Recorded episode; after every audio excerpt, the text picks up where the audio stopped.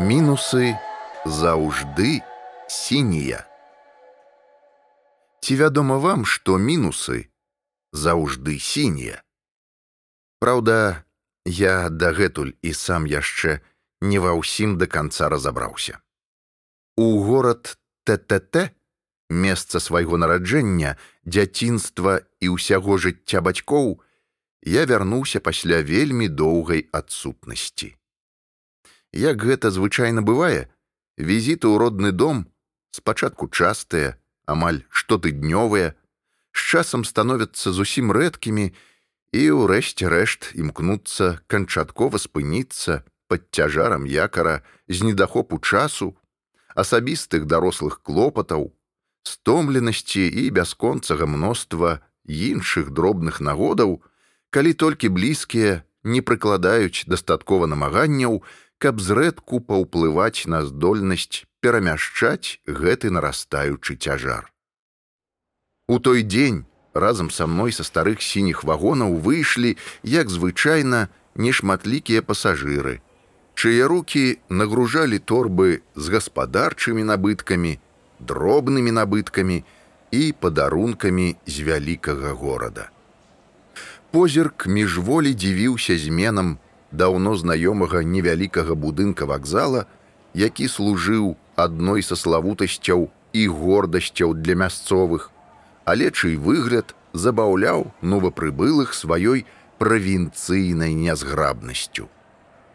Па заканчэнні доўгага шляху, калі асабліва хочацца выкурыць цыгарету, што нават адразу не пакідаеш перон, мне прыходзілася беспаспяхова змагацца з рэштай адцырэлых запалак, якія адну за адной з прыкрасцю адкідваў тут жа на рэйкі. Калі пачак канчаткова апусцеў, мае вочы пачалі мітусліва блукаць па баках у пошуках таварыша па тытуню, які б выручыў у гэтай знаёмай кожнаму курцу сітуацыі.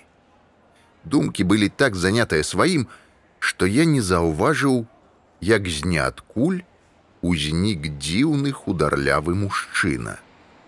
Усміхаючыся, ён спытаў: « Хочаш, раскажу сакрэт. Ну, недаверліва адгукнуўся я на яго прапанову.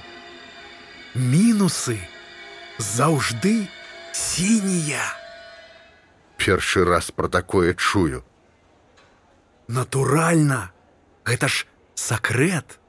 З наіўнай сур'ёзнасцю патлумачыў мужчына ды паглядзеў на мяне так нібы гэта я сказаў нешта дзіўнае ці бязглуздае. Мы падыходзілі да будынку вакзала калі паблізу ў нечых руках прамільгнуў агеньчык. Забыўшыся на імгненне праз падарожніка я адхіліўся і каб падпаліць цыгарету ў мінака рэзка змяніў траекторыю руху. Толькі пасля першай зацяжкі, калі я нарэшце супакоіўся і апамятаўся, выявілася, што незнаёмец ужо кудысьці знік, быццам за секунду растаў і сышоў вадкасцю ў грунт. Наступным разам нам давялося перасекчыся ўжо на наступны дзень. Бацькоўская хата яшчэ не паспела здзічэць пасля смерці маці, яе нутро не набракла затхласцю, агідным пахам сырасці, паверхні не заняў густы пласт пылу і павуціння, ды мне хацелася як мага хутчэй падрыхтаваць яе да продажу. А для гэтага ўсё ж мелася разабрацца з бацькоўскімі рэчамі, нешта адкласці для перавозкі да сябе, а нешта раздаць або выкінуць і месцамі, як звонку, так і ўнутры, крыху падрамантаваць. Мабыць, самым складаным аказалася вызначыць рэчы, з якімі прыйдзецца развітацца назаўжды. Але не толькі таму, што шкада. Бясконцыя ніткі ўспамінаў і сямейных гісторый, якія ахутвалі амаль кожны прадмет, няспынна зводзілі у лабірынты ностальгіі. Таму, праводзячы ўвесь час унутры, я толькі зрэдку выходзіў на двор, каб перанесці нешта з мэблі ці адзення ў адрыну. У адно з такіх маіх з'яўленняў на сонечнае святло за плотам усплыла знаёмая галава. Хударлявы мужчына расплываўся ў дабрадушнай усмешцы і пацешна хутка махаў мне рукой у знак вітання.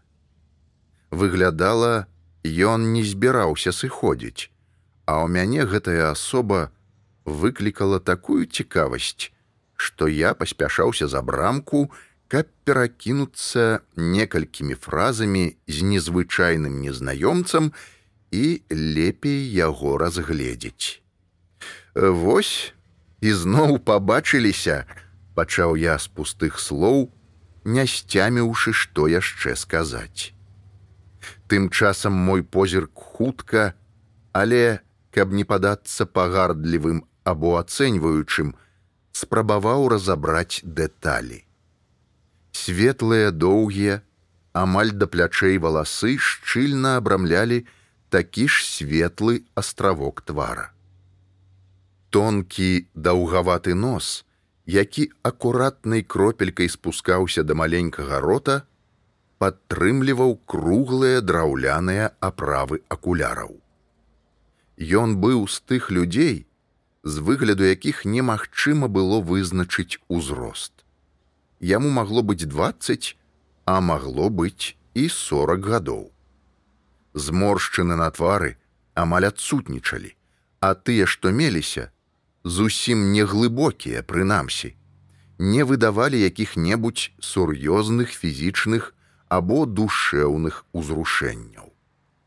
Яго доўгую худую шыю знізу абвіваў каўнер зашпіленай на ўсе гузікі кашулі.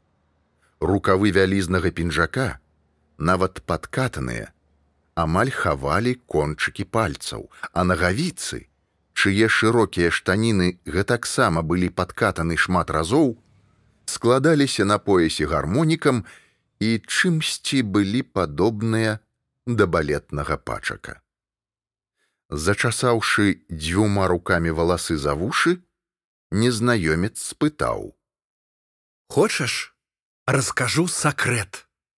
Давай, пагадзіўся я, мяркуючы, што мяне чакае учорашняя таямніца. Імаверна, думалася мне, ён забыўся на нашу папярэднюю сустрэчу або паўтараў кожнаму адно і тое ж. Але на маё здзіўленне, нічога пра сінія мінусы гэтым разам не было. Сем на сем пахне рыбай. Падзяліўся ён, ды працягнуў свой шлях. Паспешна прытрымліваючы свае доўгія штаніны, нядаўні суразмоўца завярнуў за рог, а яго нечакана змяніла суседка. Поўная старая жанчына, якую я ведаў яшчэ з дзяцінства, незаўважна ўзнікла за маёй спіной, мабыць, назіраючы за намі ад самага пачатку. Нашто? Раздавальнікі з табой нейкім сакрэтам падзяліўся. Усміхнулася яна з лёгкай ноткай паблажлівасці. Што? Ну, раздавальнік раздавальнік а так а вам таксама сакрэт расказаў ой так вось толькі перад табой сказаў што раніца суботы звініць і што гэта значыць? А хто яго разбярэ? Так усялякую тарабаршчыну прыдумляе. Ён тут ходзіць і ўсім такія сакрэты раздае па некалькі разоў на дзень. У нас ён ужо каля года жыве.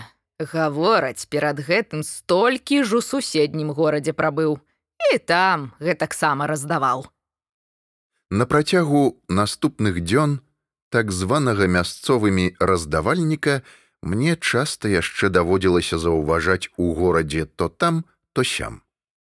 Наўрад ці ён дзесьці працаваў стала, але, мяркуючы па маіх назіраннях і выпадковых гутарках, выглядала так, што ён для падпрацоўкі часам браўся за дробныя справы або разавыя даручэнні.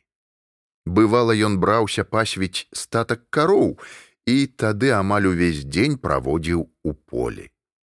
Здаралася, я заставаў, як ён дапамагае разгружаць тавары ля крамы, корміць сабаку ў чыімсьці двары, гаспадары якога з'ехалі ды попрасілі дагледзець гадаванца або выконваў ролю кур'ера паміж бібліятэкай і домам культуры.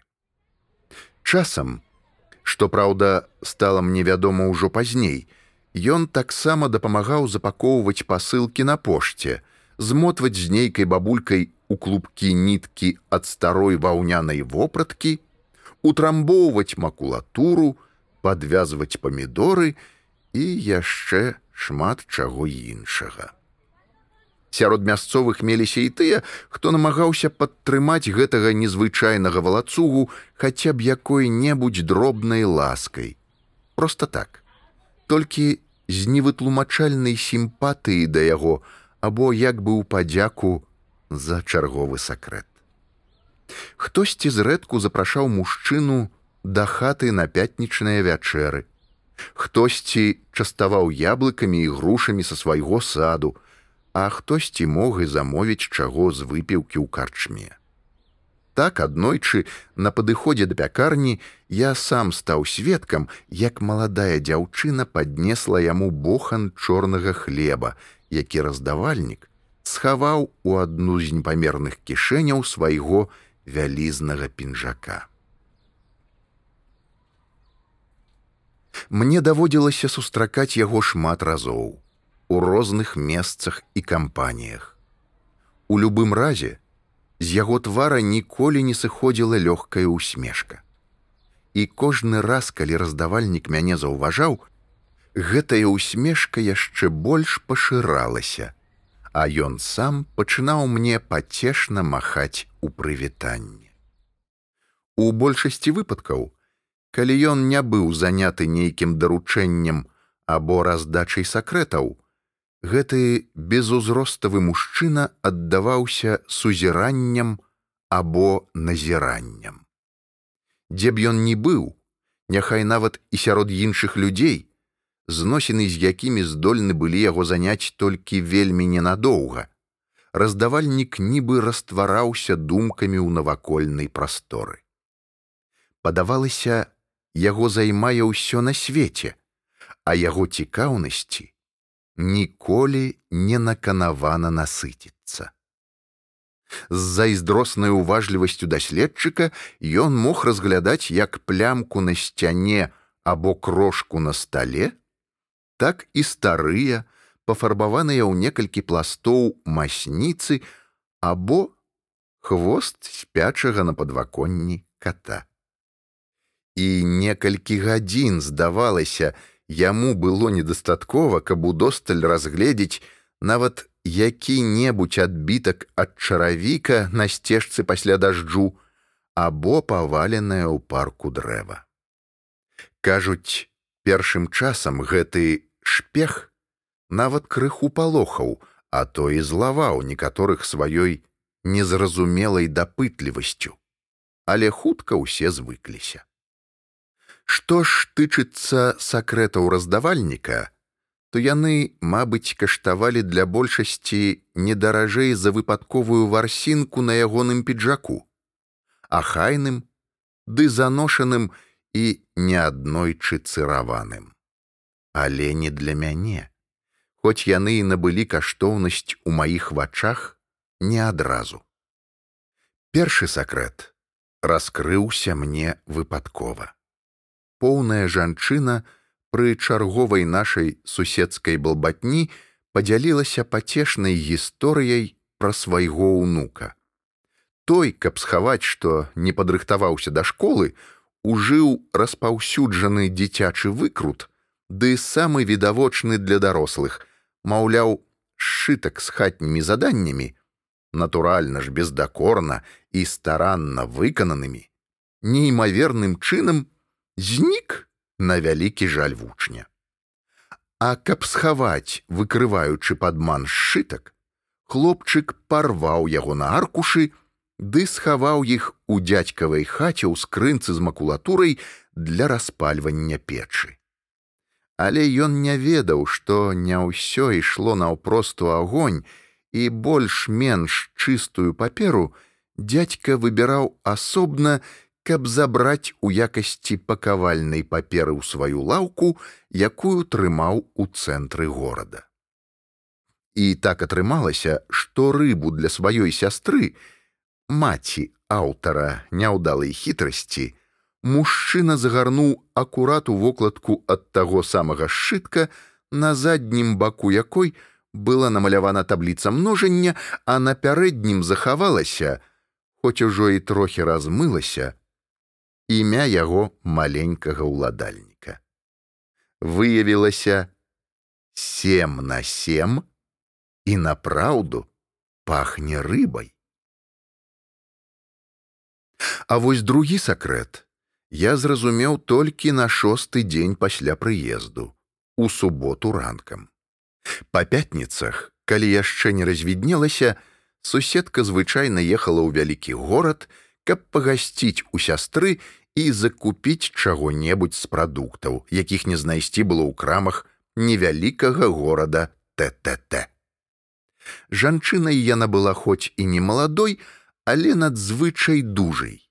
Даводзілася толькі дзівіцца, як ёй удаецца спраўляцца з такімі буйнымі торбамі. Там яна заставалася з начлегам і вярталася ўжо на наступны дзень. А таму ейны муж, мужчына сухенькі і невысокі, на выгляд амаль дзядок, меў магчымасць бяскарна ў пятнічны вечар запрашаць да сябе дамоў прыяцеляў ды выпіваць з імі столькі, колькі захочацца. І па часе і па літрах. Але як бы позна яны не заседжваліся, у суботу мужчыну ўсё роўна прыходзілася падымацца рана, каб паспець схаваць усе сляды святкавання. Перш за ўсё ён пазбаўляўся ад тузіна шкляных бутэлек, якія складваў у вазок і цягнуў на сметнік у іншым канцы вуліцы. Дарога туды ўяўляла крывую неаднародную стужку з пяску, зямлі, камянёў і падабенства асфальту з мноствам вялікіх і маленькіх ямак. Нават павольны рух па якой прымушаў бутэлькі скакаць, бразгатаць і ствараць гучны звон на ўсё наваколле. Тады я здолеў пераканацца на ўласныя вушы, што раніца суботы, звініць. У гэтым горадзе дні цяклі не хутка, але і не вельмі марудна, менавіта так, як варта. Мне яшчэ не ўдалося звыкнуцца з неабходнасцю развітацца з большасцю добра знаёмых рэчаў, але затое я паспеў дыхтоўна папрацаваць над аднаўленнем аблічча дома і падлатаць многія з яго старэчых ран. Адначасова з тым, Хоць, можа, чалавек я не дужа гаваркі, мне давялося за гэты кароткі час лепш пазнаць мясцовых. Шмат у чым, дзякуючы сакрэтам, якімі няспынна працягваў дзяліцца мой новы знаёмы. Чым далей, тым мацней я пераконваўся, што гэтыя сакрэты не пустая тарабаршчына.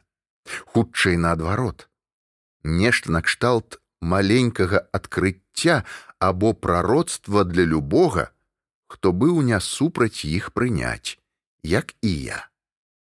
Нарэшце мне прыйшла выдатная ідэя, і наступным разам я падазваў яго, каб папрасіць падзяліцца сакрэтам, які тычыцца менавіта мяне. Раздавальнік, як звычайна, мякка усміхнуўся, дзвюма рукамі зачасаў доўгія валасы за вушы і ціха чамусьці нерашуча сказаў: « Мама чакае за гракам. Мама, моя мама насамрэч чакала мяне за гракам. Шмат пазней, недзе яшчэ праз тыдзень справы прывялі мяне на пошту маленькае памяшканне са сціплай абстаноўкай займала жанчына сярэдняга веку ў старамоднай блузцы упрыгожаннямі з нязвыкла вялікімі пацерамі і ў кофце буйной вязкі. Яна выглядвала з застойкі ў асяроддзі так сяк напханых усюды папер, аб'яваў, канвертаў, паштовак, газет, латарэйных білетаў і канцылярскіх прыналежнасцяў, як звярок з густых зараснікаў. Там жа я набыў марку з канвертам для свайго ліста, ды неўзабаве вярнуў яго ёй падпісаным і гатовым да адпраўкі. Мяркую, хуткім прафесійным позіркам жанчына адразу ж прагледзела адрасы і імёны адпраўніка ды атрымальніка.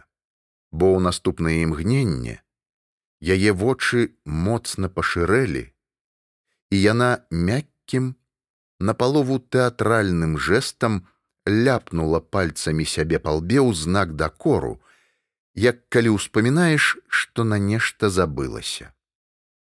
Мой ліст яна адклала ў бок і прынялася мітусліва выцягваць шуфляткі, шнарыць па паліцах, пакуль нарэшце не адшукала канверт, які затым параўнала з маім. З блытаных таропкіх словаў гэтай жанчыны у перамежку са шматлікімі выбачэннямі мне так і не ўдалося зразумець, як такое магло адбыцца але выявіўся апошні ліст маці адрасаваны мне які па нейкай прычыне ці то памылкова ці то па чыёйсці няпамятлівасці ці то яшчэ якой так і не адправілі. Ды ён працягваў чакаць мяне тут. Як ужо можна здагадацца на канверце была марка з выявай грака. Сам ліст, можа, нічым надзвычай не вылучаўся на фоне папярэдніх. Ён не ўтрымліваў чагосьці перадсмяротнага, вельмі кранальнага, кшталту апошняга пажадання ці адкрыцця. Мама проста дзялілася, як звычайна апошнімі навінамі са свайго паўсядзённага жыцця жыцця. Аднак тое, што адбылося ў цэлым, так мяне ўсхвалявала, па-добраму разварушыла і ўсцешыла, што я загарэўся даведацца яшчэ як мага больш сакрэтаў. На працягу наступных дзён я прагна шукаў сустрэчы з раздавальнікам. У яго пошуках мне даводзілася па некалькі разоў абыходзіць усе месцы, дзе мы калі-небудзь бачыліся з гэтым мужчынам у акулярах з драўлянай аправай. Але ён так нідзе больш і не з'явіўся. Нарэшце хутка стала зразумела, Ён прабыў тут год, і яму ўжо быў час адправіцца далей у іншы горад каб там вывучаць усё сваім уважлівым позіркам, лагодна усміхацца і раздаваць сакрэты.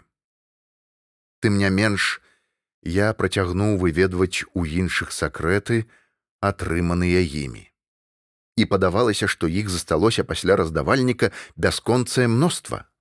Меліся сярод іх і безнадзейна загадкавыя і нават пацешныя.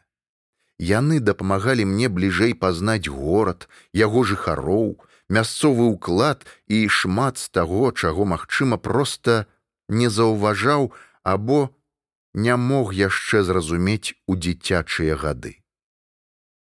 Гэты горад і гэтая гульня так мяне захапілі, што захацелася застацца.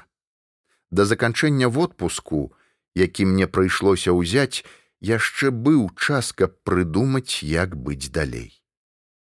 Можа нават паспрабаваць адкрыць мясцовае прадстаўніцтва канторы, у якой я працаваў, або пайсці на службу тут.